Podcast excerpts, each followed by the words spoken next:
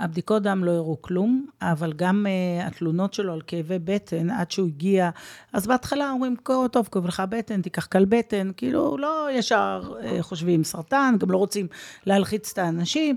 בכל מקרה, עברו שלושה שבועות, ואז כל המדדים שלו השתנו. שלום, הגעתם לפודקאסט דרך הבטן להקל את החיים. הפודקאסט שיעזור לכם לעכל את החיים בקלות. אני תמר צוברי, נטורופטית. ואני עדי זוסמן, תזונאית קלינית. כאן נארח דמויות בולטות בתחומי הבריאות האינטגרטיבית, ונביא לכם את הנושאים הכי חמים ומעניינים, בכל הממדים, גופני, רגשי ומנטלי. אז שתהיה לכם האזנה נעימה ומועילה.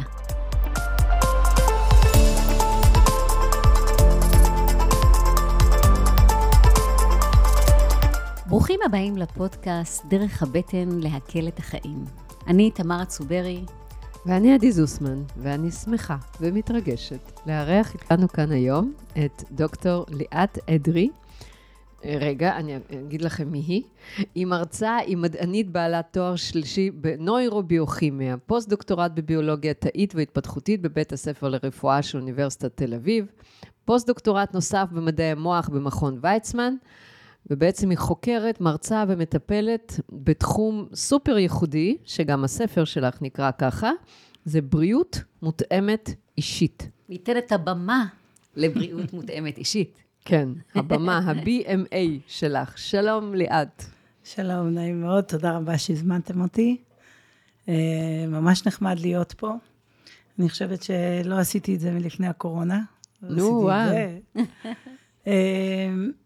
בואי ספרי לנו ככה בקצרה, מה זה, מה זה המושג הזה, בריאות מותאמת אישית? כי הרי, את יודעת, כאילו היום, גם, גם אני בקליניקה וגם תמי, אנחנו פוגשים את הבן אדם, עוברים על הבדיקות שלו. על פניו אנחנו חושבות שאנחנו עושות רפואה מותאמת אישית, אבל את בטח יודעת להגיד את זה אחרת. ספרי. אה, נכון, היום באמת אפשר להסתכל על זה כרבדים של אה, כמה אנחנו מדייקים. אה, לפני כמה שנים שינו את השם מ-personalized medicine ל-precision medicine, לרפואה מדייקת. אני יכולה לדייק בכל מיני רבדים.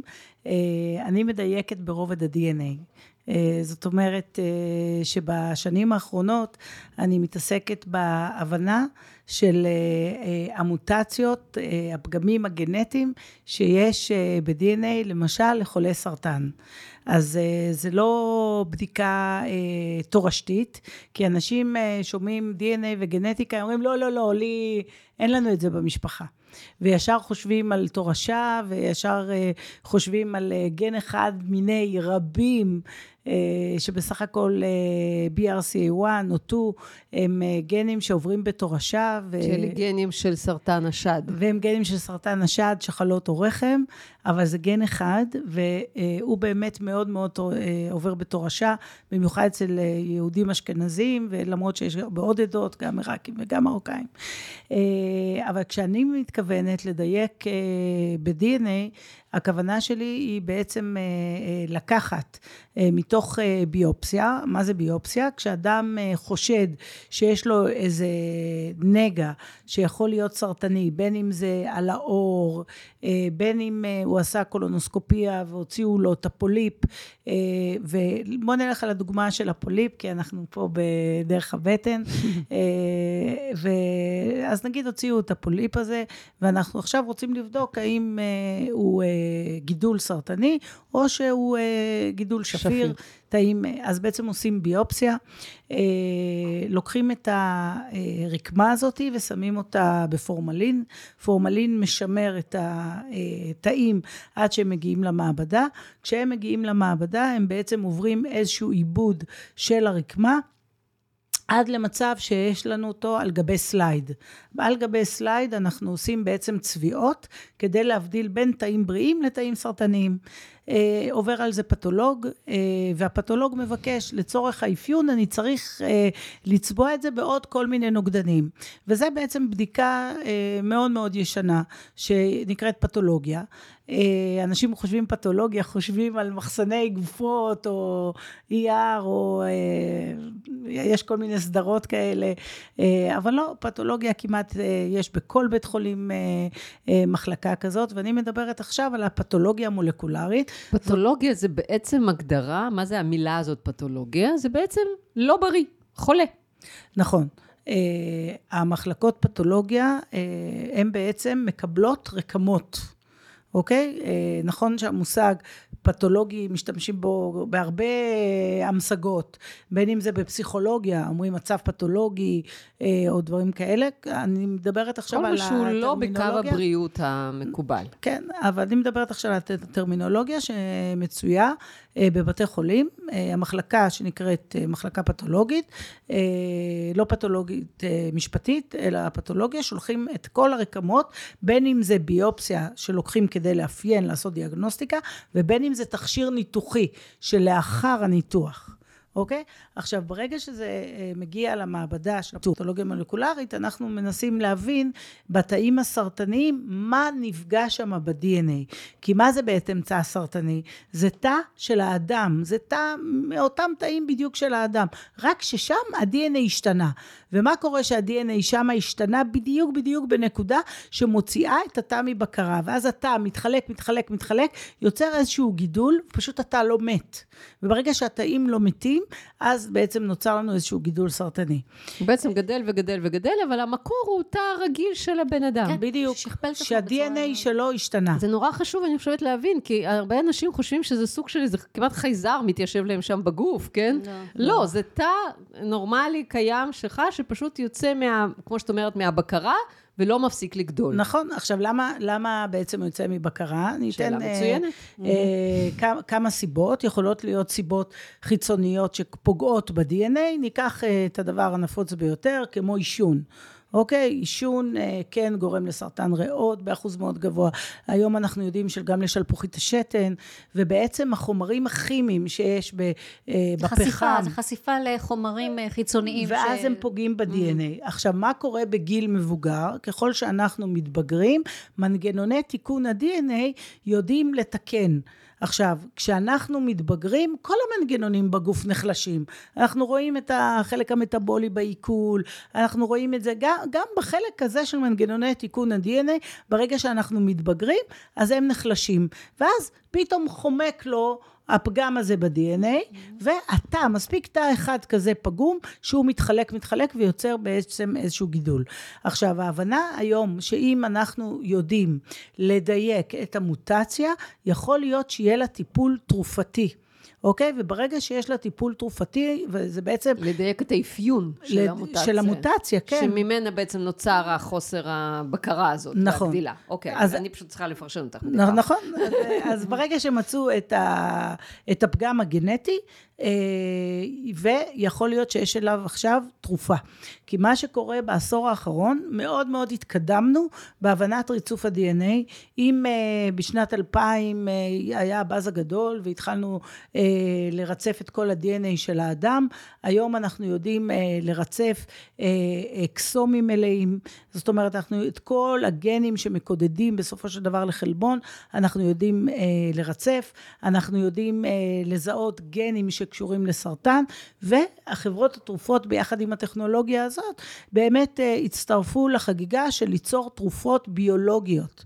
עכשיו, תרופות כימיות... תסבירי מה זה תרופה ביולוגית, מה זה תרופה כימית. אז, אז באמת תרופות uh, כימיות uh, שנקראות כימותרפיה, כי בעצם מה קורה? הגידול הזה גדל, גדל, גדל באדם, uh, ואז uh, מספיק תא אחד שמתנתק, הולך, יושב במקום אחר, איך הוא הולך? גרורות. איך הוא הולך? הוא יכול דרך זרם הדם.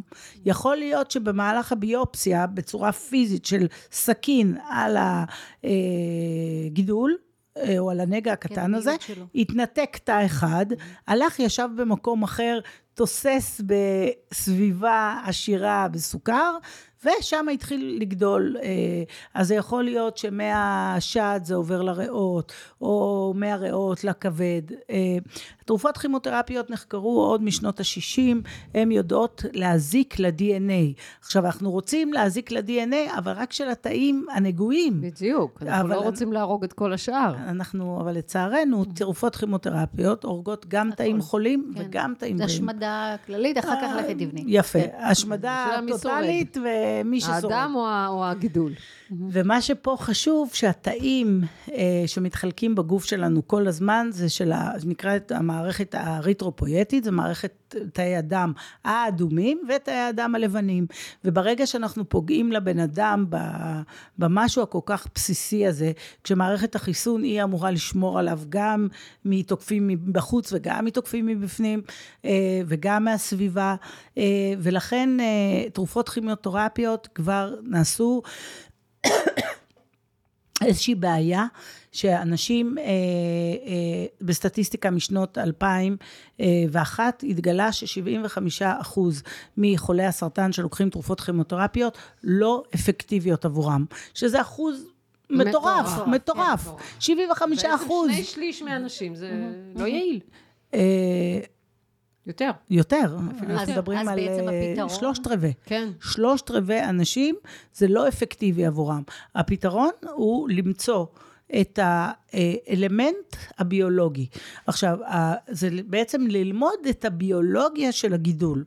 ללמוד את הביולוגיה של הגידול, היום אפשר בכמה אופנים. אז דבר ראשון, הרבה אנשים לא יודעים, אה, ואני פרסמתי את הספר ב-2017, אבל בישראל, ב-2020 אנחנו עבדנו מאוד חזק על הקורונה. אני בעצמי פתחתי מעבדות אה, לקורונה, ומאוד נהניתי להיות מתחת לאלונקה ולהניף את הדבר הזה, ובזמן השיא עשיתי 100 אלף בדיקות PCR ביום, אה, אבל כשהקורונה דעכה, פתאום ראיתי שנכנס לסל ריצוף לחולים מסוימים, אה, אבל רק שהם גרורתיים. אנחנו יכולים לדעת את הקוד הגנטי כבר מהתא הראשון שה-DNA שלו השתנה. אז קודם כל אה, חולים, במיוחד מערכת העיכול, מעי גס ורקטום גרורתי נמצא בסל. הוסיפו את בלוטת התריס, הוסיפו עכשיו גם המטולוגי. יש לי באתר רשימה מלאה של מה יש בזכויות, אז באמת אה, מי שרוצה שייכנס אה, ויסתכל מה ההתוויות. זאת אומרת שזה בסל, התרופות הביולוגיות האלה כבר בסל. חלק מהתרופות הביולוגיות, אני מדברת על הדיאגנוסטיקה הקלינית, mm. על הריצוף. אה, אוקיי. הריצוף, שזה... היכולת לעשות את הבדיקה. כן, את הבירור. קודם כל, את לא אוקיי. טעית, כי בדרך כלל סל הבריאות מדובר על תרופות. נכון. והפעם מדובר על טכנולוגיה. כן, על בדיקה. על בדיקה. אוקיי. שנקראת אה, NGS, mm-hmm. היא בדיקת אה, ריצוף הדור החדש, והיא טכנולוגיה שנכנסה אה, ב-2020, תפסה תאוצה ב-2021-2022, של ריצוף ה-DNA, וברגע שאנחנו מוצאים, מבינים את הביולוגיה של הגידול, אפשר לראות האם למוטציה הזאת יש טיפול. זאת אומרת שאנחנו לא רק נאחזים בפרוטוקולים שנוסו על אנשים, כי הנה ראינו בסוף הסטטיסטיקה, מסתכמת שרק רבע מהאנשים זה עובד עליהם. לכן ההבנה שאנחנו צריכים את הדיוק האישי. בנוסף, אפשר לקחת את התאים, כמו שאני הייתי עושה במעבדה, לקחת את התאים של הבן אדם, לגדל אותם בצלחות, ובצלחות לשים את התרופות, ולשאול מה יעבוד עליהם. כי אז על מה אני עובדת? אה, על התאים בצלחות. הבנו. ואז אה. פחות את עושה, אין ניסיון על אה, נכון. בני אדם. כי תחשבי מה זה, בן אדם מנסה קו ראשון תרופה אחת, כן. אם היא עובדת זה מצוין. זה יכול, בטח. אם היא לא עובדת, אז הורדנו לו תאים לבנים. מוריד עוגמת נפש וגם עומס על הגוף כן, להתמודד. וגם חוסך זמן. כאילו, נכון, כן. הטיפול מאוד קשה. אבל אם אנחנו מדברים על, באמת, יש את האפשרות, זה, זה תגלית, זה תגלית גם עבורי, זה, יש אפשרות לבדוק היום את הרצף הגנטי, ובו זמנית גם לטפל בתנאי מעבדה, אפילו ברמת המבחנה, אבל הטיפול עצמו הוא יותר בכיוון הביולוגי. כן, המטרה היא בסופו כן. של דבר אה, להגיע לטיפול הביולוגי. Mm-hmm. יש בתי חולים שזורמים יותר היום, יש אה, בתי חולים שזורמים פחות. אני יכולה לספר לכם סיפור על אה, בחור שהתייעץ איתי לא מזמן, וזה היה משהו מדהים.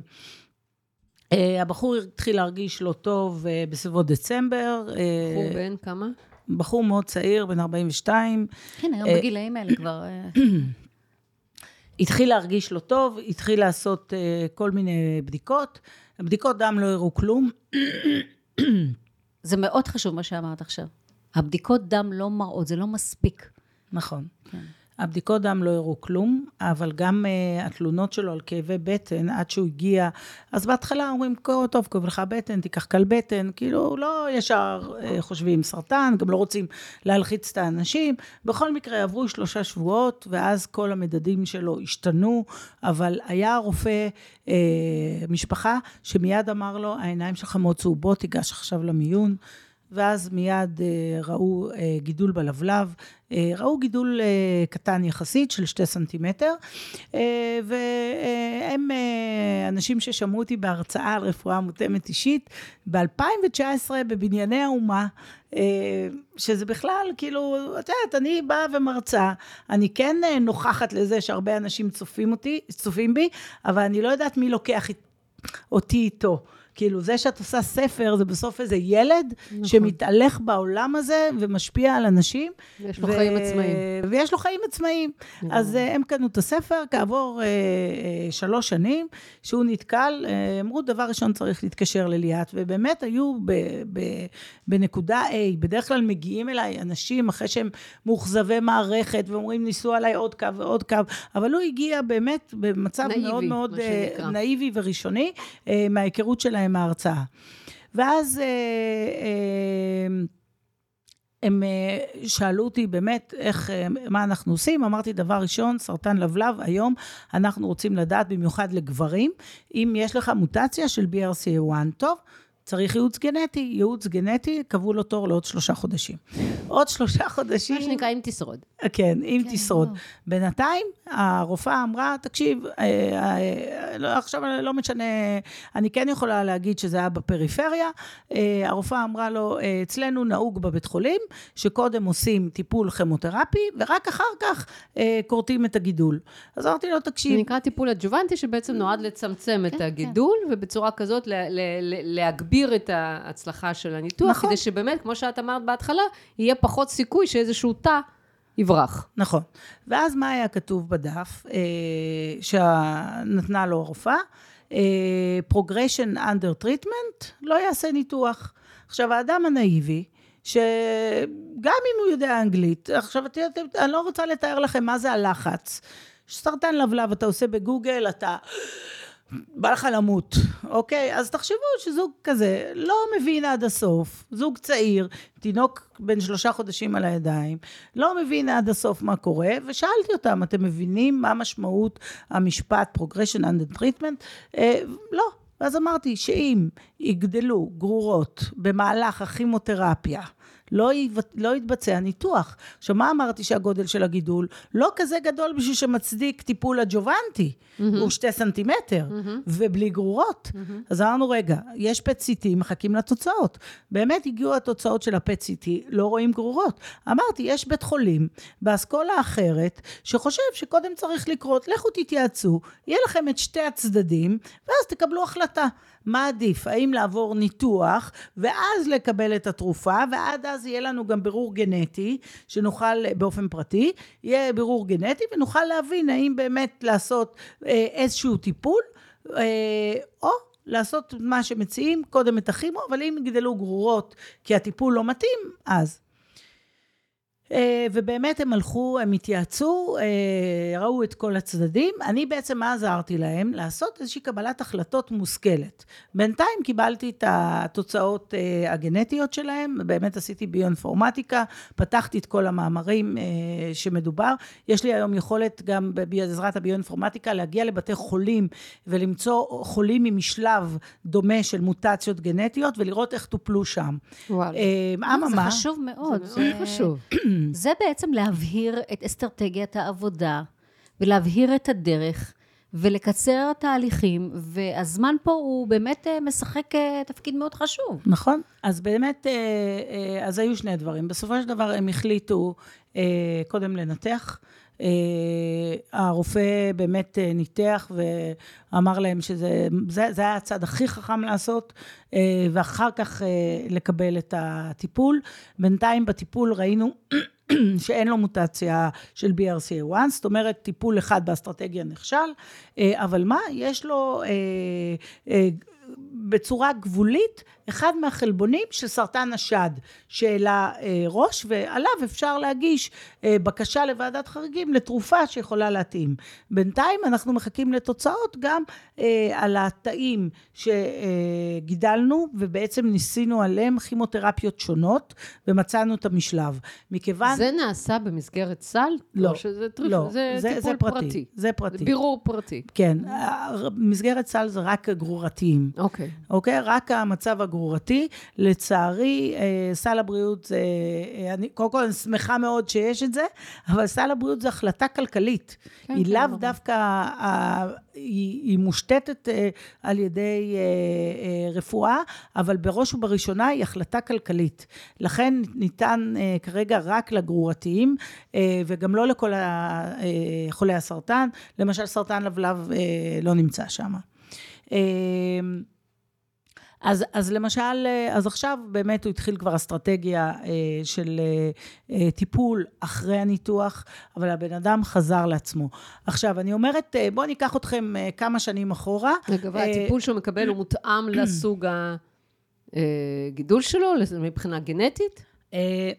עדיין המבחינה הגנטית זה סרטן השד. הטיפול שלו, אה, מבינה, עכשיו גבר, סרטן השד, רוב, ה- רוב ה... בכלל לא. מחפשים סרטן שד אצל נכון. גבר. אני נותנת הרצאה על בריאות מגדרית, ואני מסבירה כי רוב המחקרים של מחלות נשיות לא נחקרו על גברים. לעומת זאת, אה, בגלל אה, כל פרשת הטלידומית, שאני כותבת עליה גם בספר, נוצר מצב שמאז שנות ה-50-60 לא נחקרות נשים, כי הם מפחדים בעצם על ההשפעה גם על העובר, וגם המחזור משנה, האסטרוגן והפרוגסטרון, משנים את היחס לתרופות. אז הרבה מחלות, בעצם נשים לא נחקרו עליהן. אז באמת יש פה איזושהי סיבה. אה, מכיוון שהזמן עובר והמרקרים שלו עולים, אנחנו מבינים שמדובר בסרטן מאוד אגרסיבי, אנחנו מבינים שלקחת לפחות את הפרוטוקול הראשון עד שנדייק את הדרך. בגלל זה קוראים לזה גם רפואה מדייקת. מד... מדייקים את הדרך. אה, לצערי, בכל השנים האלה לא ראיתי מישהו שהמסע שלו היה כל כך פשוט וזה זה מסע מפרך בארץ הסרטן, אה, המחלה חוזרת, המחלה מרימה את הראש, אחרי הטיפול לפעמים אתה מרגיש יותר גרוע מאשר לפני, ואז אתה אומר רגע, אני מקבל טיפול, כשהייתי עם סרטן לא הרגשתי את זה, הייתי אסימפטומטי, עכשיו אני אחרי הטיפול ואני מרגיש כאילו סמרטוט. אז באמת אה, במסע הזה יש הרבה קבלת החלטות, יש הרבה דברים אה, שצריך אה, להתייעץ, לפתוח. אני, יש מטופלת שקוראת לי פשוט brain to hire. אני באה, משכירה את הראש שלך, לעזור לי בקבלת ההחלטות, מה לעשות, את מי לפנות, ומה לעשות במצבים זה האלה. יקר ערך מאוד, זה יקר ערך, זה משהו תודה. שהוא... כי כשאדם נמצא בתוך סיטואציה כזאת, הפחד, הקיפאון, אין, לא כל אחד יש לו את הגישה לשאול זה את סוג של השאלות. case manager. בעצם נכון. את הרב פירר. נכון, סוג של... נכון. נכון, אבל, זה אבל גם אמרו לי במשך אה, הדרך. אבל, אז תראי. כן. אה, תמרה, באמת היום אה, זה כבר טרמינולוגיה שאנשים זה מקובל עליהם. case manager זה...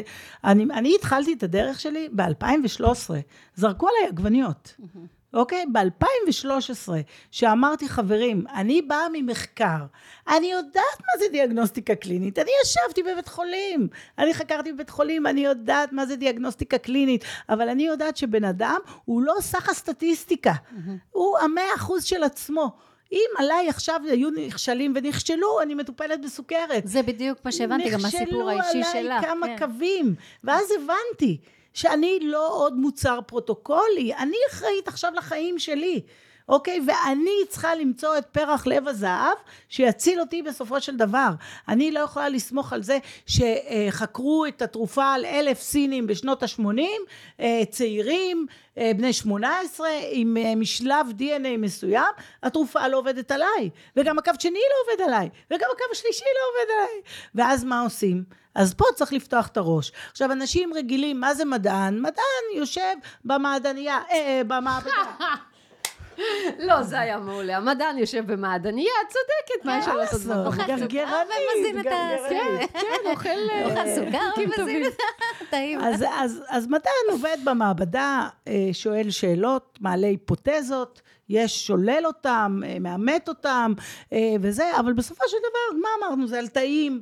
יש לי שני פטנטים בסרטן, הם בתאים, הם בעכברים. אני מקווה שיום אחד הם יגדלו ויהיו, יעזרו לאנשים, אוקיי? קניין הרוחניות של האוניברסיטה זה לא שאני אהיה מיליונרית בתקווה הזאת, אלא באמת לעזור לאנשים, כי גיליתי מולקולות דיאגנוסטיות. אז בעצם מה שאני אומרת שההבדל בין להיות מדען ולהבין שאני שואלת שאלות מדעיות שהן basic science, הם מדע שהוא טהור. השאלה לשם ההתפתחות של המדע, ואתם רואים, המדע מתפתח בקצב מטורף, והמדע הוא הבסיס לרפואה.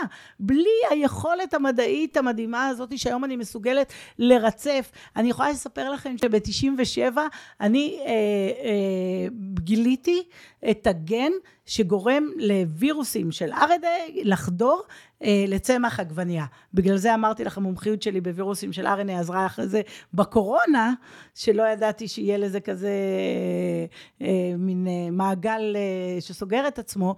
אה, אז גיליתי את הגן הזה, הגן הזה במאמר רשום על שמי, אוקיי? היום אין אנשים שרשומים על שמותיהם גנים, כי מ-2000 כבר יש לנו את כל הספרייה ה database, אתה יכול אה, לעלות אה, לשם, אין, אין, אה, אין כבר את המושג הזה גן על, על שמי. אוקיי? אז uh, באמת הטכנולוגיה הזאת גרמה להמון תרופות חדשות, גרמו לאנשים במקום למות uh, מסרטן, להפוך את זה למחלה כרונית. ו, וכמו שאני מספרת uh, על איידס, אנחנו גדלנו בשנות ה-80. איזה מגפה, איזה דבר, אנשים מתו כמו זבובים. באמת, אה, זה, זה היה בלתי... זה היה מפחיד מאוד. זה היה מפחיד מאוד. אה, יחסי מין, עם מי לקיים, מוגנים, לא מוגנים. אה, את שומעת באפריקה אנשים נופלים כמו זבובים, נשאים, כל בן אדם עכשיו, זוכרים את הפרסומת, החבר של החבר כן, של כן, החבר כן. של החבר. איזה פחד זה היה. היום, למה לא שומעים על זה? מתי שמעת על איידס פעם אחרונה? כש, כששמעתי על הקוקטייל תרופות שהם לוקחים. אז, אז קוקטייל תרופות, אז הנה המדע התפתח, יש קוקטייל תרופות, אז היום אנחנו כבר לא מפחדים אה, כל כך מהמחלה, אני כן מקווה שיש אה, מודעות אה, ואנשים פחות נדבקים, אבל מי שנדבק יש לו טיפול. יש לו איך אה, להאריך את החיים, יש איך לנהל את המחלה, ואני חושבת שזה אחד הדברים... אבל, אבל ליאת, שאלה. אני עכשיו ניגשת אלייך, אני צריכה את זה בסדר שכאילו מי שמקשיב לנו כרגע מבין את רצף הדברים מגיעים אלייך, את בעצם אה, מבצעת תשאול די מעמיק על כל אדם שמגיע בצורה אינדיבידואלית, לא מבדלת אותו מהשאר. אז גם אם הוא בא עם אותו תופעה של בן אדם לפניו, את מבדלת אותו מהאדם הקודם. כן, כן. קודם כל, אני עושה את זה לפני שהוא מגיע אליי. אחד הדברים אה, שלצערי אה, לא, אי אפשר ברפואה הציבורית להכיל, זה אנחנו מדברים היום על 200 אונקולוגים, על יותר מ-30 אלף חולים, תעשו חשבון, זה יותר גרוע מרופא משפחה. ויש פה הרבה להעמיק, אנחנו מדברים על 15 שעות לימוד שצריך אה, אה, לעבור רופא בשבוע על מאמרים חדשים, על עדכונים.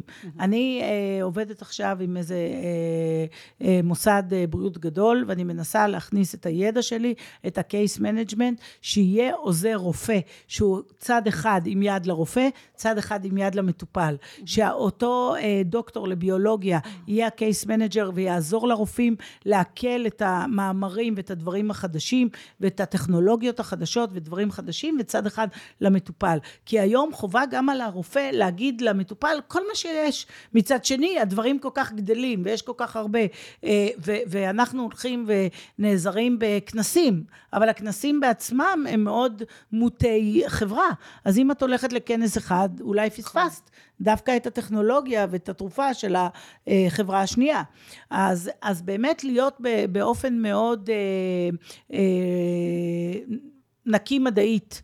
אני אה, מבקשת את כל החומר הרפואי קודם, אני מתחילה לחקור את המצב של הבן אדם. אני גם מצליבה קלינית את הממדים שלו, אני מחפשת מאמרים, אני מחפשת עוד דברים שהגיע אליי למשל עכשיו. אבל, אבל אני חייבת לעצור שנייה פה, כי כשאני קראתי למשל עלייך, מחפשת מאמרים, אמרתי, כן, גם אני מגיעה אליי בן אדם, אני מחפשת מאמרים. לך יש יכולת להיחשף לאינפורמציות אה, סטטיסטיות עכשוויות מדעיות. זה לא סתם מדעים, את יודעת, את יודעת, את מאמרים שלך, את יודעת על מה להסתכל, הם database שהם כן, אה, אז- נותנים פה נתונים מעבר לבינה המלאכותית או לגוגל שאת קוראת כל מיני דברים. כן, אוקיי. ב- בסופו של דבר... זה חשוב אה, לדעת גם מה קוראים כן. ואיך... אה, האמת היא שזה אולי אה, הבנת הטרמינולוגיה. אה, כי היום באמת אה, באים אנשים אה, ואומרים, קראתי את זה וקראתי את זה, ואז אני מבינה שהם לא באמת הבינו את הדברים. גם הרבה פעמים את אה, יכולה להציג כל מיני סטטיסטיקות בדיוק. בצורה אחת שמשתמעת אה, בצורה אחרת. אה, את יודעת אה, אולי יותר טוב ממני את גם עולם מחקר, את השיווק. יודעת איזה סוג של מחקר, ומה נכון, נעשה איזה שם. מחקר, יש איזה- תצפיתי, יש קליני, נכון. יש כל מיני נכון. מחקרים. נכון, יש אה, סקירה של דאטה, אה, אז, אה, וגם אה, דוקטורים, יש כל מיני דוקטורים ו-PhD וכל מיני, העניין הוא באמת בטרמינולוגיה וסל הידע וסך האינטגרציה, אה, באמת, אה, אני חושבת שאחד הדברים שאלוהים חנן אותי זה בזיכרון פנומנלי ויכולת אינטגרטיבית. אז אני זוכרת גם הרצאה ששמעתי בטיזי נבי, על איזה רופא עשה את זה, ועכשיו בא מטופל עם יואינג סרקומה, אני זוכרת ששמעתי שנכנס לחברה, אה, החברה הזאת היא גם ממש גרה לידי, בשילת וזה, בואו נקשר ביניהם ונראה מה יהיה. אז כאילו, אני חושבת שכל היכולות האלה הביאו אותי באמת אה, להיות במקום שעוזר אה, לאנשים, ובמיוחד אה, לחולי סרטן, אה, כי, כי זה דרך, ובדרך כזאת היא מפותלת, צריך יד. אה, צריך יד של מישהו שיכול להנגיש את השפה. בסופו של דבר, אני, אני אה, מוכרת להם את ההבנה. את הידע, את האוריינות המדעית. כאילו, אם אני מסוגלת לקרוא ולהבין את הטרמינולוגיה המורכבת ולפשט אותה, ולהגיד לו progression under treatment זה מאוד חשוב למהלך הטיפול, כי זה או כן, להיות- ניתוח או לא לקרוא את האותיות ניתוח. הקטנות, וגם להבין אותם, וגם לחשוף אותם, ושוב פעם, זה צריך לראות את הפרטים הקטנים בכאלה מצבים. אבל, אבל באמת, אה, בסופו של דבר זה גם לבנות את דרך העבודה, איזה... איך ניפגש עם דרך הטיפול עצמה. לא נכון. רק בהבחנה, אה, נכון, בדיאגנוסטיקה. אבל אז, אז באמת אה, תלוי אם הבן אדם כבר יש לו אה, רופא שמלווה אותו, או שאני יכולה אה, פה להשפיע לפי סוג המחלה, על אה, מי, מי הפתולוג, מי הרופא, ואז אני באמת עם האנשים ש, אה, שלמדתי בדרך הזאת, שקודם כל אה, כולם אה, בסדר, כולם באו אה, ללמוד רפואה כדי לעזור לאנשים. מאותו כוונה, כן. אותה כוונה, אבל הבנתי בסופו של דבר, ולקח לי זמן ודרך אה, להבין שיש אנשים שהם אה, צרי אופקים, וזה בסדר, זה הם, זה מי שהם. פשוט ויש אבל יותר אנשים... שמרנים. שמרנים, ויש אנשים רחבי אופקים. בואו נקרא בכלל לרפואה אה, ספינה שלסובב את ההגה שלה יותר קשה. אוקיי, כאילו לא מזמן הייתי בהרצאה, רן בליצר, ברפ... קראו לה כנס רפואה 2042, אה, זה היה ממש אה, לפני כמה חודשים, לפני אה, 23, אה, והוא אמר, הציג דינוזאור. זה הרפואה שלנו, חבר'ה. זה הרפואה שלנו, לעומת החדשנות, ה-AI, הריצופים, ה-NGS, כאילו, איזה... אז, אז באמת, איך הולכים בין זהו, הטיפות? אבל בעצם מה שאני מבינה פה, שנייה, אז דיברנו על הנושא באמת של האבחון ושל ההתאמה של ה- איזה טיפול בן אדם יקבל וכדומה. אוקיי, מה הלאה? האם את נכנסת עם, עם אנשים באמת להיבטים נוספים של תהליך ההחלמה? אה, אה, תזונתי, תודעתי, הרי לך יש גם את הידע הזה, או שאת יודעת להפנות כן. אנשים, את עובדת בטח עם עוד אה, מומחים אה, בתחום. אז באמת, אה, אחד הדברים אה, שאני כן אה, אה, מדברת על זה, שאני בעצם התחלתי את הדרך שלי בליווי מטופלים, שהמלווה הראשונה שלי הייתה גיסתי. והיא אמרה לי, יש לך פטנט בסרטן שד, בואי תעזרי. ואני עד לאותו רגע לא יצאתי מהמעבדה, הייתי עכבר מעבדה בעצמי. אה, ולצאת מהמעבדה היה דבר ראשון, אה, לנסות להבין, וליוויתי די בשתיקה בהתחלה, אה, ומכל הידע שלי, כן, אני אומרת, הרי מה שאני עשיתי במעבדה, אני ניסיתי להרוג תאי סרטן. אחד הדרכים של להרוג אותם זה קודם כל להרעיב אותם לסוכר. למה? כי תאי סרטן הם מאוד מטאבוליים. כל תא שלנו רוצה הרי סוכר וחמצן. אבל תחשבו שהתאים האלה מתחלקים כל כך מהר, הם רעבים. אז אני אומרת, קודם כל, אנחנו מורידים את הסוכר. יש אנשים שלא יכולים להכין דיאטה קטוגנית, אז אין בעיה, דיאטה הטלת פחמימות, אוקיי? עכשיו, אני מדברת איתך על 2013 שזרקו עליי עגבניות. אי אפשר. מה, חולה סרטן, לא תתני לו משהו לנשמה. אמרתי... אני מכירה את זה, אני קיבלתי את זה כשעבדתי עם חולי, התחלתי לעבוד עם חולי קרום וקוליטיס. אלה שזורקים עליהם עגבניות, בסוף אלה שהולכים בקדמת הבמה. עדיף עגבניות מאשר סוכר, כן? גם את זה זורקים. רגע, שנייה, אוקיי, אז... אז לא לתת סוכר, כן? אבל באמת, כמו שאת אומרת, יש אנשים שהם לפעמים בתת משקל, את מורידה להם פחמימות, אנחנו מורידים גם את הערך הקלורי של התזונה, מה עושים?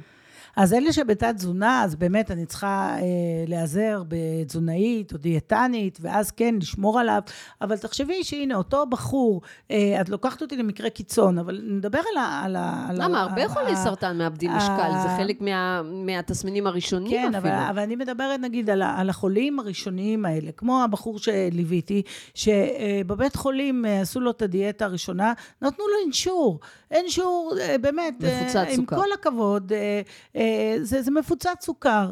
עכשיו, את הוויטמינים שיש שם, אני נותנת לך תוסף פשוט, מחליפה את הוויטמינים. לא, יש גם היום אבל... אבקות חלבון...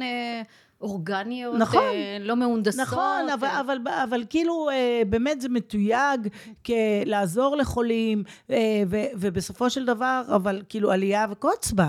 זה מלא סוכר. גם כשאת מדברת על לתת לתת תזונה, אה, לתת להם... אה, כן, אבל הזנה תאית היא לא רק אה, פחמימות וסוכר, זאת אומרת, יש אפשר לתת לשם... נכון, אז אני אומרת, בתת תזונה אני בדרך כלל לא מתעסקת, אני מפנה, אה, ל, אה, קודם כל יש גם home care, אה, יש הזנה תוך ורידית, שאת אלופה בזה. טוב, זה כבר, בואי, אה, זה בסדר, כבר התקדמנו, רגע, אנחנו לפני זה, תזונה לא, דלת אה, פחמימות, בואי נדבר דלת, על זה. אז אני אומרת, בגלל זה אני מדברת על ה basic. תני דוגמה, מה לא, זה תזונה דלת פחמימות שאת יכולה להציע לחולי סרטן? אז קודם כל, זה תזונה שאני משתמשת בה כחולת סוכרת, אוקיי? אני מורידה את הפחמימות אה, כדי לשמור על רמת הסוכר שלי. עכשיו, כל פעם שאני אעלה בפחמימה, אני מרגישה את זה, גם ב-A1C, גם בגלוקומטר, אני, אני מרגישה את זה. אז אני אומרת, אומרת, אה, יותר להגדיל ירקות, אה, יותר להגדיל חלבונים, יותר שומנים. ככל שהבן אדם יכול, אני באה גם במקום של מאוד התאמה אישית, ואני אומרת להם עכשיו, עזבי את הדיטלס, את לא יודעת מה זה עושה לאנשים. כאילו, אחת המטופלות אמרה לי, תקשיבי, עשית לי פו במפרשים. כאילו אם לפני כן אני בובה על חוט, עושה מה שאומרים לי, הולכת מפה ושם, אבל הנה, יומיים אחרי הכימו, במקום לשכב במיטה, אני קמה ועושה לי שייק עם ספירולינה, עם פירות יער וזה, ומתאוששת. ואז היא מטופלת אתמול, כתבה לי אה, בעקבות, וכולה הייתה אצלי לפני שבועיים, אני כבר נמרצת יותר בערב. מדהים. את לא יודעת מה זה בשבילי, כאילו, את יודעת, כי אני, אני מרגישה אותם. הרי אה, רוב התלונות, במיוחד במהלך הכימו, אחרי הכימו, שיש קצת כוח בבוקר, אחרי השינה, ואז זה הולך ודועך. ואז אנשים כאילו, אין להם כוח, ואז כאילו אין להם כוח לחיות. הדבר הזה מוריד להם את החיוניות, ו, וזה הדבר הכי קשה, כי ברגע שאתה נכון. יורד לך הרצון לחיות, כי אתה כל כך סובל, ואתה סובל ממשהו שאמור להציל אותך. ובאמת פה קשה לראות את הדרך ש, שברגע, ו, וזה יש לי גם אה, אה, מאמרים, וגם בספר כתבתי על הכוח של הנפש על הגוף. עכשיו, גם דיברת על, גם דיברת על המיקרופלורה של המעיים, וגם על המיקרופלורה, כי תקשיבי, מה לעשות, הכימו... הנה, הקשר בין המעיים לבין המוח, אני תמיד חוזרת לשם, איפה שקל לי. נכון, האמת שאמרת לעכל את החיים, וחשבתי שזה גם בעין וגם ב... גם במשחק מילים. גם משחק מילים, נכון. יפה, אהבתי, כן. לעכל. אבל זה באמת... אה, אז תחשבי שתרופות כימותרפיות אה, פוגעות גם במיקרופלורה הזאת, ואנחנו צריכים אותה. ברור. אחר כך אנשים אומרים לי, אבל יש לי יצירות, ויש לי שלשולים, אבל יש לי, רגע, אז בוא נחזיר. אז אומרים לי, אבל רגע, אנחנו מחזירים, ובעוד שבועיים אני אקבל שוב טיפול. מה לעשות, אני חי כאן ועכשיו. אני חי כאן ועכשיו, אני צריך להחזיר כאן ועכשיו, ואני צריך לאכול בשבילהם. אמרתי, סליחה, אתה לא אוכל בשבילך. אין לי תיאבון, כן יש לי תיאבון, אתה אוכל בשביל החיידקים. לגמרי. אתה אוכל, תאכיל את החיידקים הטובים. תאכיל את ה... הם יחזירו אותם, לך. הם יחזירו לך, כי אחר כך שאתה אומר, כואב לי אה, בשירותים, כואב לי, ב... אז, אז באמת זה אחד הדברים.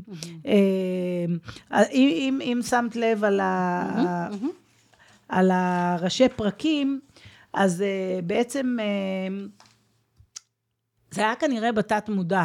כי אחר כך כשערכתי את ההרצאה הראשונה, אז אה, אותו סטטיסטיקה שאמרתי לכם לגבי תרופות שאינן אפקטיביות, השקף היה כמעט בדיוק אותו דבר, וזה היה מדהים, כי אם אנחנו נדבר על אה, דיכאון, אנשים שלוקחים תרופות לדיכאון, 35 אחוז מהם אינם נהנים מהתרופה, היא לא אפקטיבית עבורם. נכון. ואחר כך סכרת, ואחר כך אסתמה, ואחר כך עד שאנחנו מגיעים ל-75 בסרטן. יצא מאמר, את בטח ראית את זה, עם אה, איזושהי פרוביוטיקה, אני לא רוצה להגיד אה, שמות מסחרים, עם איזושהי פרוביוטיקה מאוד מאוד חזקה, אה, ככה, עם, הר- עם אה, הרבה מאוד אה, אה, מיליארדי חיידקים, שיפור מובהק ב, במצב הדיכאון המג'ורי.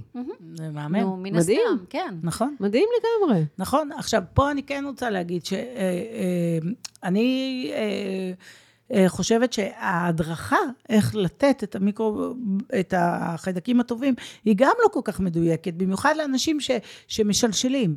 אני רוצה אה, לחשוב על המקום הזה של מערכת העצבים, ולא סתם הקשר בין מעי למוח, שאנחנו במשך היום, אנחנו במצב של אה, סטרס. בין אם זה סטרס אה, אקוטי עכשיו כי היה פיגוע בתל אביב, ובין אם זה סטרס אה, כרוני, ובין אם זה הטלפון מצלצל, ואת בלחץ מי עכשיו לא, לענות. יש גם מבנה אישיות, ו- את יודעת, על דפוסים ואוטומציות. ומפעילה... ש- יש לנו פודקאסט, יש לנו אה, פרקים נוס- שלמים על הנושא. רגע, נו, אז את מפעילה, מפעילה את? ה fight ואת ה flight, ובלילה אני מפעילה את ה rest and digest. נכון. אז כשאני מפעילה את ה rest and digest, לא הולכת לשירותים ומורידה, כל פעם שאני הולכת אה, לשירותים ו, אה, ו, ויש לי יציאה, אז אני מורידה חלק מהחיידקים האלה. אז במשך היום בן אדם ממוצע צריך ללכת בין פעם לפעמיים, אה, אה, בלילה אני לא הולכת. עכשיו, אני uh, בתור מישהי שגידלה חיידקים במעבדה כל הזמן, כי בעצם החיידקים הם הבית חרושת אה, לגנטיקה שלי.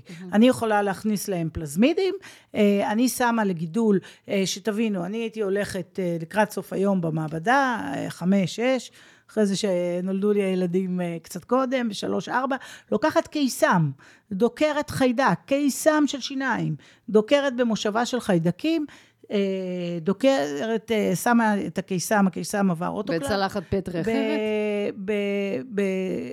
במדיום ל overnight לשקשוק, אוקיי? מדיום, אה, 20 ml של מדיום, מה רוב הדברים שיש בו? סוכר. מה, מה הם אוהבים? סוכר, תנו לי סוכר מפרק. מה? תוך 20 דקות יש לך הכפלה אקספוננציאלית. אני באה בבוקר, וואו. הנוזל... מושבה שלמה. מושב, מושבה שלמה, הנוזל הצלול ששמתי והיה ללא חיידקים, כולו עכשיו רק מהנגיעה של החיידק. ברור. אותו דבר, אני אומרת, יש לכם, ובאיזה טמפרטורה? 37. Hmm. יש לכם פה לילה, שכל אדם מוזרם ב-rest and digest למערכת העיכול. rest and digest זה בעצם מצב פרסימפטטי של כן. רוגע לעומת נכון. סטרס. נכון, עכשיו בלילה, בגלל, פרשנות רש"י. בגלל שאני בלילה אה, ישנה רוב הזמן, אה, לא הולכת לשירותים, לפחות לא אה, ליציאה, אלא אם כן זה מצב אקוטי של שלשולים, בזמן הזה אני מבססת. עכשיו תחשבי על ה-20 דקות, 20 דקות, 20 דקות, נהיה לי, אה, נקרא מיקרופילים, אה, שכבה יותר עבה של החיידקים. מה עם הזנים המסכנים, שאני רוצה שהם יעלו? במשך היום אני מורידה אותם, פה בלילה יש לי אפשרות, יש לי אפשרות. גאון, את יודעת מה חמותי אומרת? זאת הסיבה שאני? נותנת באמת, אה, אם כבר אני נותנת איזה אומרת את זה תוספים, בלילה. או מזון מוצס, יותר בערב. מה חמותי לשעבר אומרת? היא אומרת, מי הוא רופא טוב? זה שמסכים איתי. אז אני עכשיו מרגישה שאני ממש מסכימה איתך. חיידקים נותנים בלילה. נכון. נכון? ופחות לתת להם פוס, כי בעצם הפולי... פוס זה לא באמת ספרנו, פוס זה, סיבים שגורמים לנפיחות ובלאגנים עזבי. לא, פוס אה, נותנים היום כמעט, את לא רוצה להגיד שמות מסחריים, אבל נותנים כן. כמעט היום לכל החיידקים לא, אז אני, המתועשים. אני, אני עובדת עם זנים שהם בלי פוס. אז מעולה, לא כי. פוס זה, בעצם שיאכל גלאט, לא יש לו סומכים פוס. עליך, נכון, שאוכל שתיתן את. הפרטינה, נכון. כן. ופוס זה בעצם חלק מתזונה עשירת פודמאפ, שזאת התזונה שבעצם אנחנו לא רוצים אותה, נכון. באנשים עם מעי רגיש נכון, ונפיחות וגזים. נכון. אז מה בערך, עשינו אה, בזה? אז פה 70% נותנת במדינה. אנחנו שרשראות. צועקים, צועקות. כן. זה נורא מרגש, חיידקים, גנים, סרטן, סופר מרגש. טוב, אז רגע, נעבור... אה, כן. אה, כשדיברו איתנו על אה, סטרס וזה, ישבנו שקטות. אה, היינו בסטרס אה, היום. רצית שאני אביא דברים מצחיקים, אז הנה. אמרתי, את רואה? אה, אמרתי, יואו, מה יש לי לספר לך על סרטן וזה, את רואה? סופר מצחיק. כן. טוב, אה, קודם כל צריך אופטימיות זהירה. צריך את הפו הזה במפרשים, כדי להעלות את כל המערכת האימונית שלנו, אנחנו צריכים את ההומור, אנחנו צריכים את התקווה, אנחנו. צריכים את החלק הזה של גוף ונפש, ואני רוצה אה, כן להתייחס כאילו ל-bright side of the moon אה, של הבדיקות הגנטיות, אה, וגם אה, כן חשוב לי להעביר מאוד מאוד מסר, ואני חושבת שפה אתם נותנות לי אה, במה. אה, הריון. הריון, הריון אה, ולידה, אז אם אנחנו מדברים על בדיקות גנטיות, אז היום אנחנו יכולים אה, לעשות אה, בדיקת דם לאישה בהריון ולמצוא את ה-DNA של העובר שמשתחרר לזרם הדם שלהם, לעשות את הבדיקה ולהפריד את זה מה-DNA שלה. ולהפריד את זה מה-DNA של האימא, אוקיי. ולבדוק אה, האם יש שם, אה, יש שם פאנל של מוטציות משמעות, משמעותיות. מה הכוונה? למשל, תסמונת דאון. תסמונת דאון זה טריזומיה אה, של אה, כרומוזום 21, שבאה בכפולות של שלוש. עכשיו, רק להבהיר שזה לא בדיקה דיאגנוסטית, זה בדיקת סקר. להבדיל מהבדיקת DNA שסיפרתי לכם מקודם, שהיא בדיקה דיאגנוסטית קלינית, שאם יוצא לי שם מוטציה, יש לה תרופה. פה הבדיקה היא, עדיין לא בפרוטוקול, אה, בארצות אחרות באירופה כן מחליף. אה, אממה, איך זה הגיע אליי אה, בתקופה האחרונה?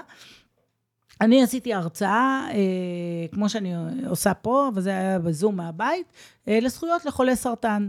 עשיתי הרצאה בדיוק מה ההתוויות שאנשים, כי אמרתי, איך זה יכול להיות? הם לא יודעים, זה לא מפורסם בשום מקום. אני רוצה להיות שופר של הדבר הזה, אני רוצה שיבואו אנשים.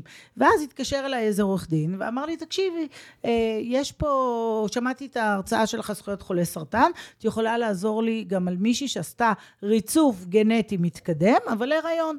מה קרה שמה? שמה אמרו לה, הכל בסדר, התשובות שלך תקינות, אבל כשנולד הילד, אי אפשר היה לטעות בצורת הפנים, העיניים המלוכסנות, לא היה צריך אה, לחכות הרבה לאישור מיידי של אה, בדיקה גנטית שכבר מתחת נולד אה, עם לפנס, דאון. נולד עם תסמונת דאון, יש לזה ביטוי קליני, פנוטיפ, נראותי מאוד, ואז הוא אמר, אני, אני צריך שתעזרי לי, איך זה יכול להיות שהמעבדה שגתה בעניין הזה, אה, ואז מצאתי את עצמי באמת במסע מופלא של אה, אה, אה, רפואה ומשפט. רפואה ומשפט והמקום של באמת לעזור לאנשים שנפגעו מפרשנות לא נכונה אה, של תוצאות. אה, בבדיקה הזאת, אה, למרות שצריך בפירוש על ידי האיגוד הגנטיקאים שיהיה אה, אחוז אה, התאים, הרגע אמרת, מפרידים את ה-DNA מהאימא לעובר, אז צריך לכתוב כמה אחוז התאים העובריים שמה, ולא היה כתוב. אה, ביקשתי מהמעבדה לראות אה, את התוצאות, אמרו לי, את הבדיקת דם, אמרו לי, תשמעי, אנחנו זורקים אחרי 60 יום. אה, אז, אז באמת יש פה אלמנט מסחרי, בדיקה שעולה הרבה כסף, לא צריך להקל ראש בגנטיקה. צריך לעשות ולהתייעץ ולשאול. זה כאילו מצד אחד אני מרגישה ש... הטכנולוגיה הרי מאוד עלתה. אנחנו במעבדה יודעים לעשות הרבה דברים, אבל לאנשים הידע וההבנה עוד מאחורה, והם אומרים, אוקיי, את עשיתי את הבדיקה, הכל טוב. אז זה נקרא uh, false negative, תשובה שלילית כוזבת. בעצם אמרו לך שהכל בסדר, אבל את, בסוף uh, ראינו לא שהתוצאה, לא הכל לא בסדר. ומדובר פה ב, ב, בדיני נפשות, לגדל אה, ילד שהאם היית יודעת קודם, יש פה שאלה ביואטית, שהאם היית יודעת קודם מה היית עושה, אבל זה... זה... אבל לפחות לתת לך את הבחירה ואת הידע. בדיוק. זה כבר את באה מוכנה, יש מוכנות נפשית, יש מוכנות... בדיוק. אה, כשאני אמרתי מקודם, עשיתי פור במפרשים, כי היה לבן אדם את הבחירה, והוא אמר, וואי, אם התאים שלי זוללים אה, סוכר, אני יכול לאפשר להם עכשיו אם כן לאכול או לא, בטח שזה בשליטה שלי. אז אני נוקט עמדה, אוקיי? ופה באמת זה. אז אני אומרת, הגנטיקה מתקדמת, אבל ההבנה שאנחנו צריכים עוד לקחת, עוד הבנה, עוד ייעוץ, גם בכל מיני דברים. אני יודעת שהייעוץ גנטי בקופות חולים לוקח הרבה זמן, לא לוותר, לנסות גם, יש הרבה דברים שכן אפשר לחקור לבד, אפשר להתייעץ, אפשר להתייעץ איתי, גם באתר יש לי אפשרות להתייעץ. זה, זה, זה ההרגשה של המקום של השליחות שלי, של אה, לפרש, אה, להידחק בין החורים. כאילו, אני, אני מרגישה ש, שנוצרים אה, סדקים, ואני יכולה למלא אותם, כמו בשיר של ליאונרד כהן, שיש סדקים, ואז האור יכול להיכנס. אז כאילו, כשאני רואה תיק של בן אדם, פתאום אני רואה איפה הדברים נפלו בין הכיסאות. עכשיו, עוד פעם, אין לי שום אצבע מאשימה. הרפואה הציבורית קצרה, כי היא ככה בנויה. היא בנויה ככה אה, למקום של... אה, אה, מחכים אנשים בחוץ, אנחנו צריכים לקבל אותם, אה, אין לי זמן לקרוא את המאמר, אה, הכנס הזה אמר רק ככה, ובאמת אנחנו ככה, ויש דברים שקשורים לבריאות, חיי אדם, שאנחנו צריכים להעמיק. נכון. זה בדיוק העניין, כאילו, בריאות הנה, המושג, הבנו מה זה המילה בריאות פה, והחשיבות של הבריאות, וזה מותאמת אישית. זה וואו, וואו, וואו, וואו. ספרי קצת את הסיפור שלך עם הסכרת. את אומרת, ניסיתי כמה תרופות, לא עזר, יש לך סכרת טייפ 2. Uh, עדיין לא סגור, אני, אני סדלר הולך יחף, לא עשיתי את הבדיקה הגנטית. לא, עכשיו אני מתה. כן, יש בדיקות גנטיות uh, גם לסוכרת. אה, אבל אה, בסופו של דבר אה, ראיתי שאני יכולה לשלוט במחלה, כל עוד אני לא אוכלת תזונה עשירה בפחמימות. אני משתדלת לחיות בין 20 ל-30 גרם פחמימות ביום, וכן, זה מעט.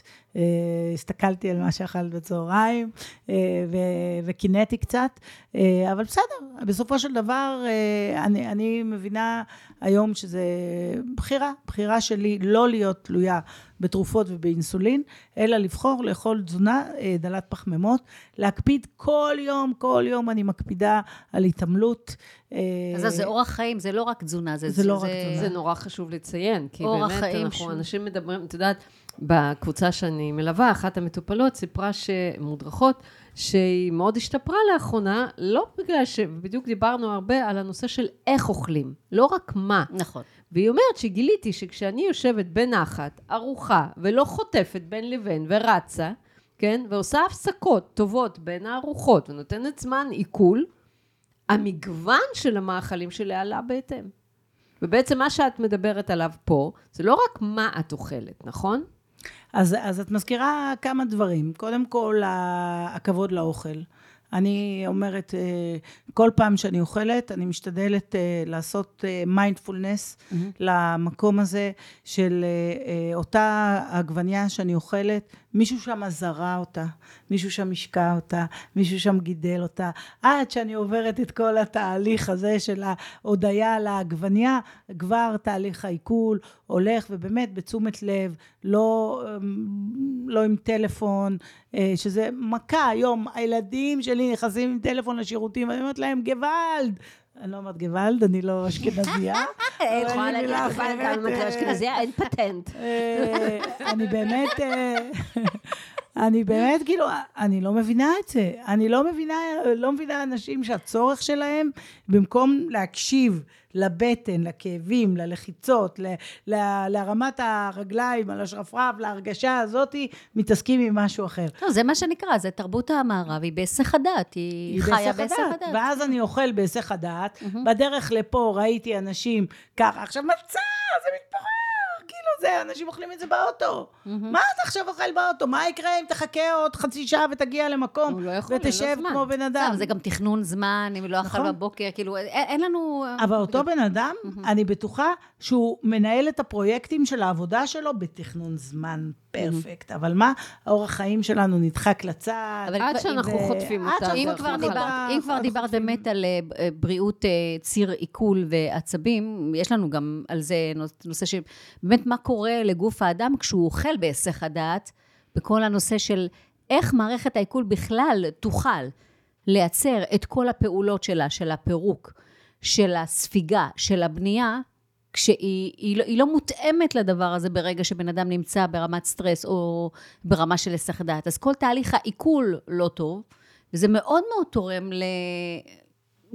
למחלות גנטיות להיווצר. אז אה, לא יודעת אם למחלות גנטיות, אה, למחלות בכלל. מחלות, מחלות בכלל. אוטואימוניות, אה, הגנטיקה, אמרתי, זה... כבר אפי גנטיקה, מה שאת אומרת. בוא נגיד שאם אנחנו לא נפרק את המקור של המזון ולא נזין את עצמנו כמו שצריך, אחרי שעת רבע עוד פעם, בדרך כלל אנחנו ניגשים למשהו שמעורר אותנו, סוכר, נכון, נכון. פחמימות. נכון. גפאין. נכון. כן. אז עכשיו אני אומרת, במקביל, תחשבי שאותו בן אדם, המנגנונים של תיקון ה-DNA שלו כבר נשברו, הם לא מתפקדים טוב. תוסיפי לזה שהוא עוד חושב אה, אה, שהוא צעיר, בן 16, ויכול לעשות מה שהוא רוצה, והנה אנחנו רואים שלא. דרך אגב, היום המחלות האוטואימוניות, אה, גם הסוכרת מבוגרים, סוג 2, ירדו דור. דור שלם בגיל. נכון. אוקיי? זה מטורף.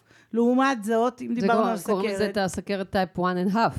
אה, יש כבר כמה, יש כבר כמה סוגי כן, סכרות. כן, זה מה שאני אומרת. נכון. אני לא עשיתי את הבדיקה, לא עשיתי את הבדיקה uh, גנטית מסיבה אחת פשוטה, כי הבנתי uh, שאני כבר שולטת במחלה. Mm-hmm. הבנתי שאני uh, פעם הייתי הולכת ורואה ברולדין, אנשים אוכלים בורקס, כשהייתי צעירה זה היה המאכל האהוב עליי, אוקיי? זה היה, אני טורקיה, זה גם מה שהכרתי הרוב מהבית, uh, ו, וגם אז הבנתי, כאילו, אני לא קורבן של המערכת. Mm-hmm. זה בחירה.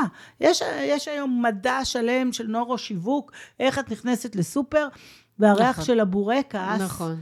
מוביל אותך אה, ישר לשם, אבל אני בחרתי, ואני בחרתי אה, לאכול תזונה דלת פחמימות, אני יודעת אה, מה אני אוכלת בבוקר, מה אני אוכלת בצהריים, אני משתדלת גם לגוון, מחקרים מראים שאנשים לא מגוונים, אז איך הפלורה שלהם תתגוון? נכון. מה, מהשמיים? הם חיים גם עם אותו בן זוג, איך היא תתגוון?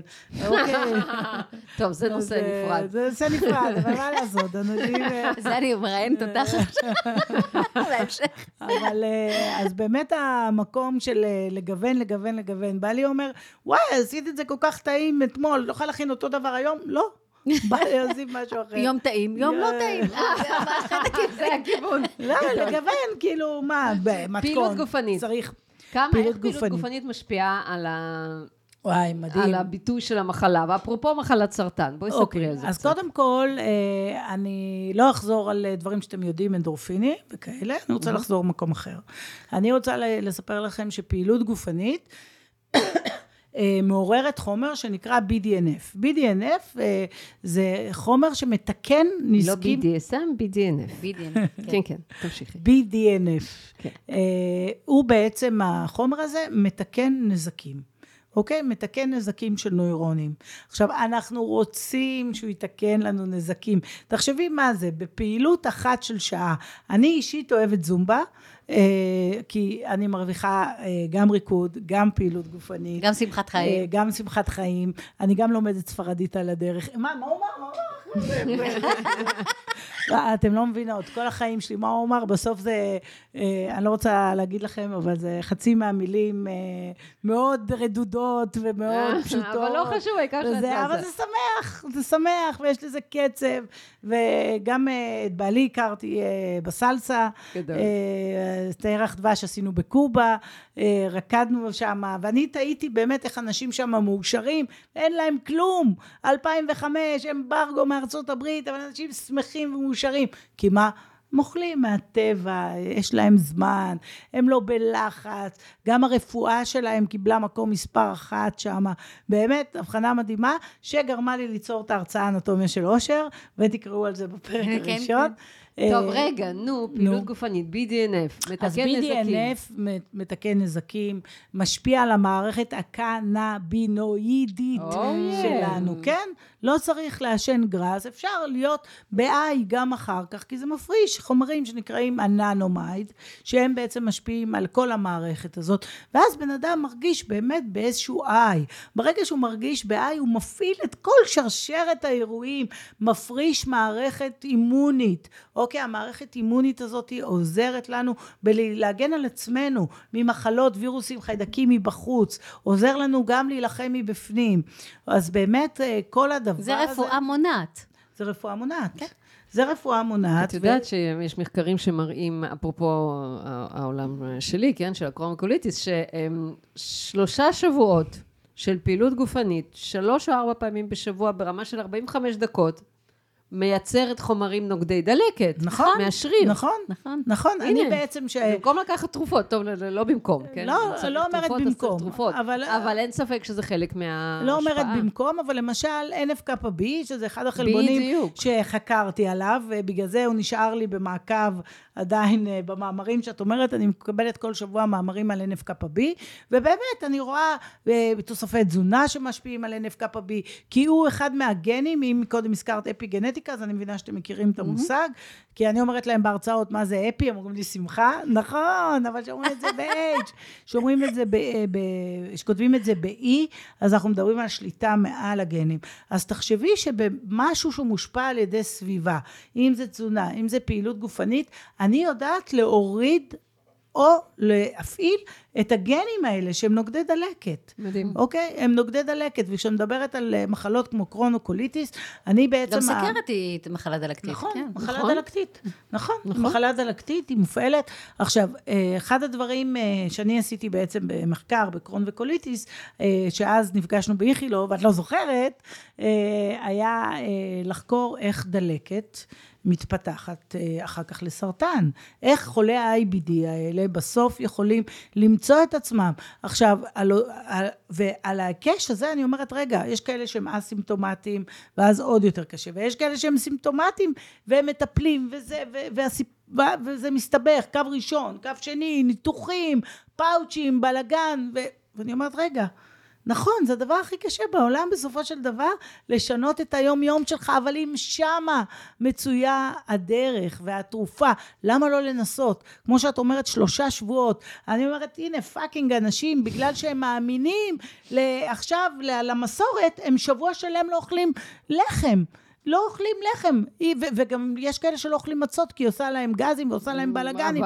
בעולם שלי לא אוכלים מצות כמעט. אז, אז למה לא לנסות? נכון. למה לא לנסות שבוע כזה. ו- ולהגיד אחר כך איך אתה מרגיש? לא, אבל יש גם, אה, יש גם, אה, יש גם המון אה, תחליפים טובים מכל עולם הקטניות, מכל עולם, יש, יש מה לעשות. נכון, יש, יש דברים טובים, אה, אה, בפסח יש הרבה אנשים שמחליפים. יותר מזה, גם אם בן אדם הולך לזה, קמח נכון, במקום אם בן זה, אדם, וזה נכון, מצוין. נכון. אבל אז צריך להשקיע בזה זמן. אז אני אומרת, תמיד, תשומת לב. בפסח, תשומת לב. למי נשקיע זמן אם לא על עצמנו? כאילו, נכון. זה- כן. מה אמרתי לך מקודם? אותו אחד שאכל באוטו, אין לו זמן, אבל את הפרויקט שלו הוא יודע טיפ-טופ לתכנן. וכשאני אומרת לאנשים, ואני אני שואלת בשאלון תמיד מה הם עובדים, כי אז אני יכולה לקחת משהו מהעולם שלהם, ולהשליך מעולם התוכן שלי לעולם שלהם. ואז אני אומרת, "אה, בטוח את הפרויקט הזה אתה מבצע על הצד הטוב ביותר, ככה, ככה, תכנון זמן, גרפים פה ושם, זה. למה אתה לא יכול לעשות את זה לגבי התזונה שלך? לגבי הלנעוץ את הפעילות גופנית. אין בעיה, תמצא מה אתה אוהב. אני לא אומרת לך, לא הליכה, לא שחייה, לא זה. תמצא אתה מה אתה אוהב. אני הרי על הסכרת, אמרו לי, תעשי הליכה כל יום. הליכה כל יום. את וואלה. יודעת, אבל, אבל את יודעת מה את אומרת עכשיו? תראי, אני מכירה הרבה מטפלים, ואני מכירה הרבה מטפלים יודעים.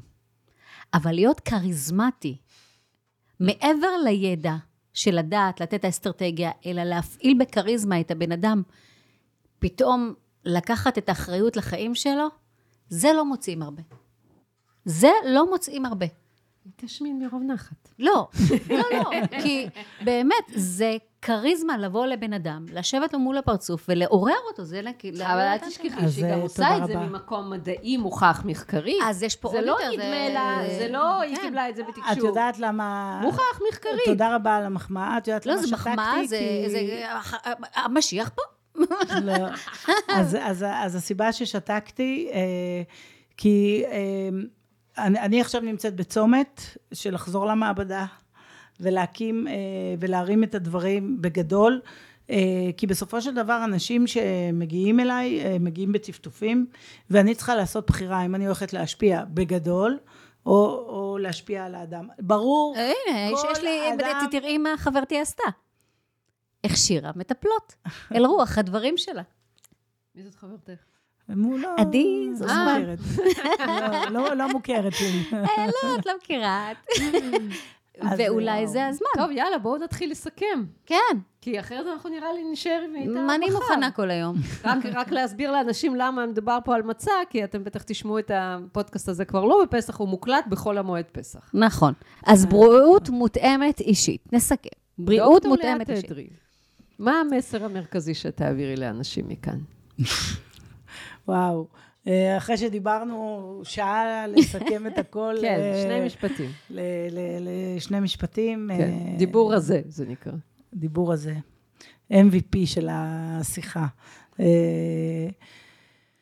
מה שאני רוצה לסכם זה בסופו של דבר, כל בן אדם יחיד ומיוחד.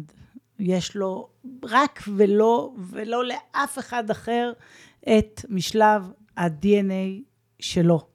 אין לאף אחד אחר.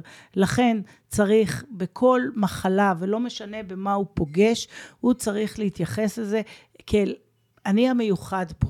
לא בטוח שאפשר להכניס אותי לפרוטוקול. לא בטוח שמה שהתאים במחקר יתאים רק לי. איפה אני שואל את השאלות? האם בתחילת הדרך? האם באמצע הדרך? איפה שאני שומע עכשיו את הפודקאסט, כאן לעצור. תרופות שאני לוקח, לשאול את השאלות, אוקיי? עשיתי ב- ביוטיוב הרצאה, אה, האמת על התרופות, אני מדברת גם על המנגנונים, אנשים היום לוקחים כל כך הרבה דברים, קרדיולוג רשם X, רופא משפחה רשם Y, מי עושה את התכלול של הדבר הזה? מה התרופות האלה, איך הן מתפקדות בגוף? האם הן באמת עוזרות לי? האם יש עוד בדיקות בחוץ שאני יכול להיעזר? אז באמת, אה, אה, המטרה שלי היא באמת לעזור לאנשים למצוא... אה, לחקור את עצמם, לחקור להכיר את את עצמם, עצמם, להכיר, לעזור לעצמם. אבל בעיקר לעורר את המודעות הזאת. כאילו, אנחנו לא נמצאים היום, ואני חושבת שאחרי הקורונה קרה משהו. קרה משהו לאנשים והם הבינו. אני לא עוד יכול ללכת לרופא ולסמוך עליו שהוא יגיד לי XYZ, ללכת ולבצע. גם אנחנו רואים את ההירתמות, ה compliance לטיפול שהרופא נתן הולך ויורד. אז מה עוד? לא לא במקום, בנוסף, מה עוד? מה עוד אני יכול? איפה עוד אני יכול? העיקר זה באמת להסתכל על הדברים בראייה רחבה, לפתוח תודעה לעוד דברים, להבין שהסל אה, של הקופת חולים, של הדבר הזה, הוא מוגבל. אני יכולה להגיד לכם שאנחנו נמצאים באזור המרכז, יש פה ארבע, חמש בתי חולים, יכול להיות שכל אחד יתייחס אחרת.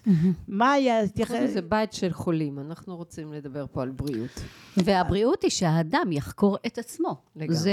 אז, אז, אז אני באמת אה, אה, רוצה לעזור לחקר הזה, אה, בגלל זה נתתי הרבה ידע והכוונה, גם באתר שלי, גם בספר כן, שלי. האתר שלך עשיר אה, מאוד, גם הספר כן. מאוד נגיש. מאוד נגיש, כן. אה, ו- ואם לא, אז תמיד אה, אפשר לבוא אליי. אני כרגע אמרתי, אה, אני עוד בצומת דרכים, האם אני הולכת אה, להשפיע בגדול, ואז להצטמצם אה, ביכולת שלי אה, מול אנשים, אבל אה, אני לא יודעת מתי התוכנית תצא, לשלוח אימייל זה תמיד טוב. תודה, אוקיי, וואו. תודה רבה. תודה ליאת. לכם. וואו. וואו, וואו, אז וואו. תודה שהייתם איתנו, ואם זה עניין אתכם, תשתפו, תשלחו, תדרגו אותנו כמובן. ניפגש בפרקים הבאים. אני הייתי עדי זוסמן. אני תמר צוברי, דרך הבטן. להקל את החיים.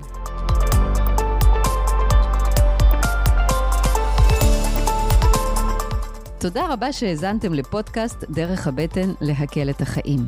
אז אם נושא הבריאות האינטגרטיבית בנפשכם, מוזמנים לעקוב אחרינו, דרך הכישורים במדיות השונות, פייסבוק, אינסטגרם ועוד, לדרג חמישה כוכבים את הפודקאסט. ולשתף את השפע הזה עם משפחה וחברים. אני הייתי עדי זוסמן, תזונאית. ואני תמר צוברי, נטורופטית. להתראות בפרקים הבאים.